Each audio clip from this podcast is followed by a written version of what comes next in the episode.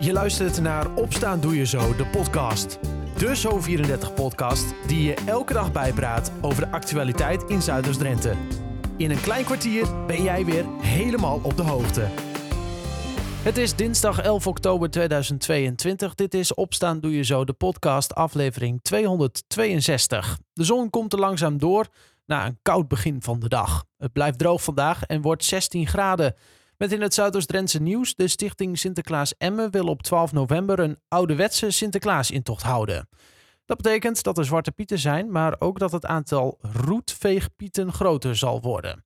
Hoe de intocht er precies uitziet is nog niet helemaal bekend, omdat corona eventueel nog roet in het eten kan gooien. Zometeen meer nieuws uit Zuidoost-Drenthe en je hoort over het afgelopen vaarseizoen in onze provincie, die minder druk was dan andere jaren. Dat straks. Eerst schuift verslaggever Rien Kort aan in de podcast. We gaan het hebben over de woonvisie in Emmen. Dat is een veelbesproken onderwerp in de gemeente. Rien, om eens even bij het begin te beginnen.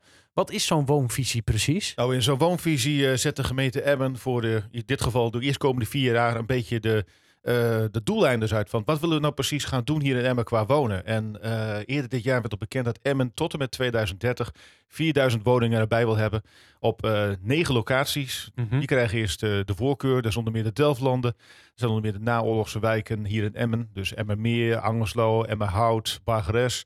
En nog een aantal dorpen, waaronder Wijteveen en Nieuw-Schonebeek. Ja, uh, dan zijn de, dat zijn dan bepaalde doelstellingen. Hoe concreet is dat dan als je dat dan als gemeente zijnde op papier zet? Ja, wat ik al zei, het is een beetje een stip op de horizon, van daar willen we graag heen. Het is echt niet zo dat er in 2030 ook precies uh, 4000 woningen zijn bijgekomen. Uh, maar de gemeente moet gewoon een beetje de lijnen uitzetten. En ja, uh, kijk, het punt is ook van, je kan natuurlijk niet overal in de gemeente Emmen lukraak gaan bouwen. Dat er één dorp bijvoorbeeld 200 woningen erbij krijgt en een ander dorp niet. Er is een maximum aantal woningen ongeveer. Mm -hmm. En uh, er wordt rekening gehouden met hoe de woningmarkt zich verder ontwikkelt. en het moet ook allemaal een beetje in verhouding met elkaar staan. Dus dat betekent dus dat het aantal woningen wat erbij moet komen min of meer verdeeld wordt over de hele gemeente. En ook dat het een beetje evenredig verdeeld is. Dat is een beetje het idee. Ja, nou ja, als zo'n stip op de horizon wordt uitgezet, dan uh, komen er natuurlijk allemaal meningen bij kijken. Mensen die er wat van vinden. Een van die meningen kwam uh, gisteren vanuit Barge Kopaskum. Stuurde een brief naar uh, de gemeenteraad. Wat stond daarin?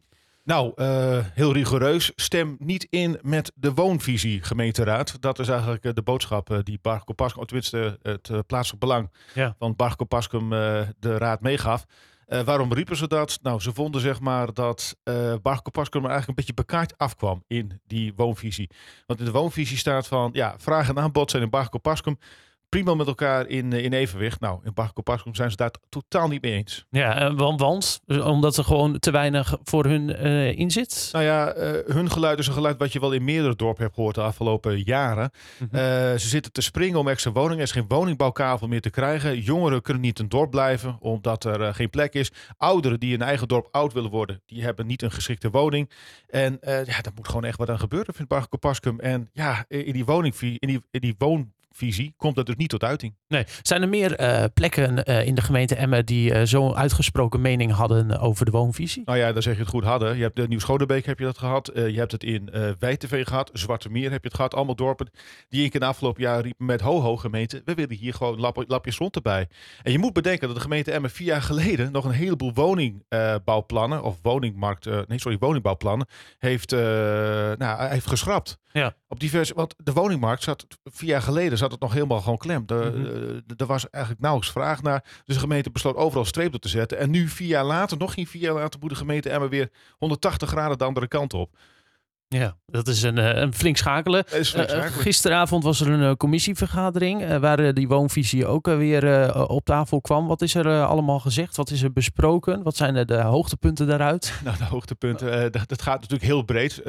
Zo'n zo'n gesprek erover. De hele gemeenteraad kan zijn, kan zijn zegje doen erover. Maar wat me opviel is, de brief van Barco Pascom kwam uiteraard te sprake. er was ook nog EOP het Centrum. Dat is zeg maar de belangenvereniging van de bewoners hier in het centrum van Emmen.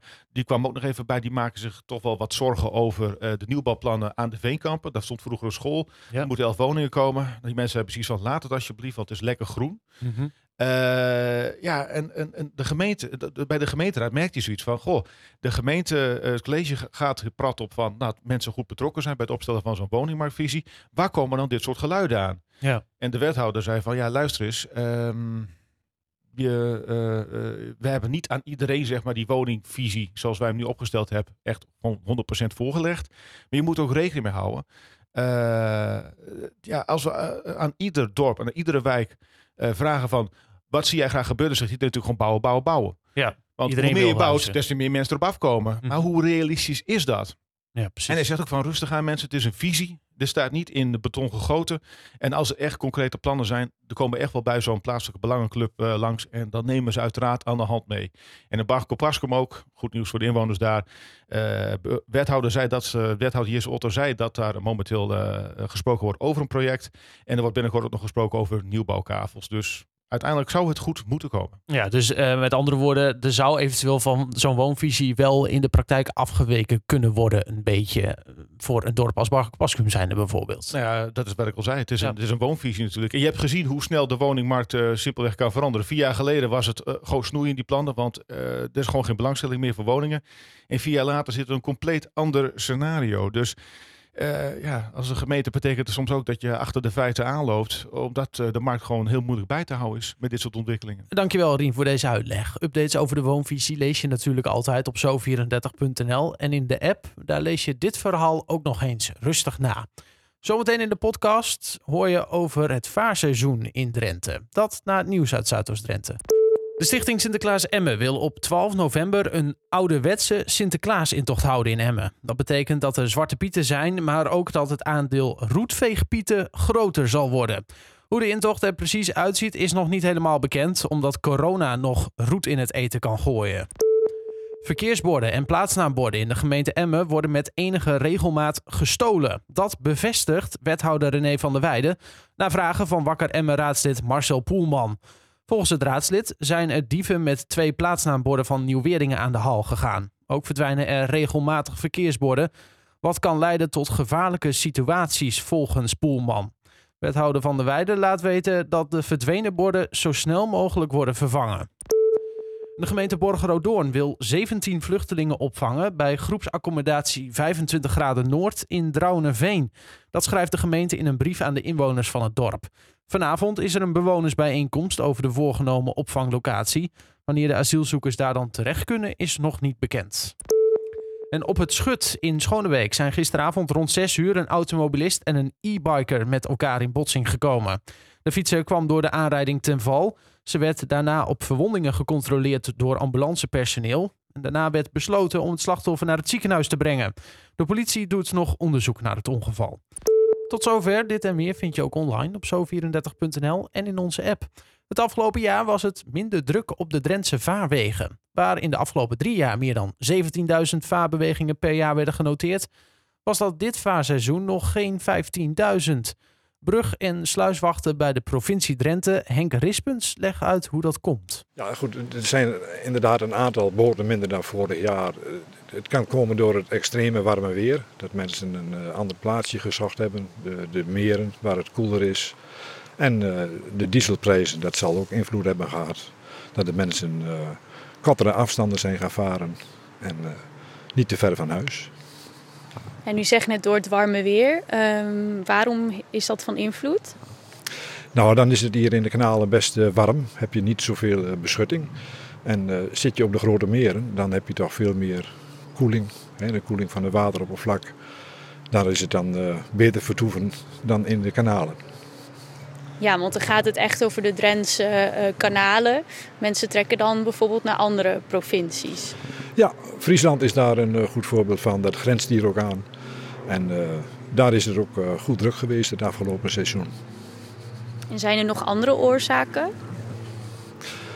Ja, het is eh, nou ja, goed wat we, net, wat we net genoemd hebben. Maar mensen kunnen ook kiezen voor een andere vakantie naar het buitenland. Is toch ook, is toch ook best aantrekkelijk momenteel te vliegen. En, en als ze dan weer thuis zijn, dan hebben ze niet de zorg van een boot. En dan zit de vakantie er ook echt op.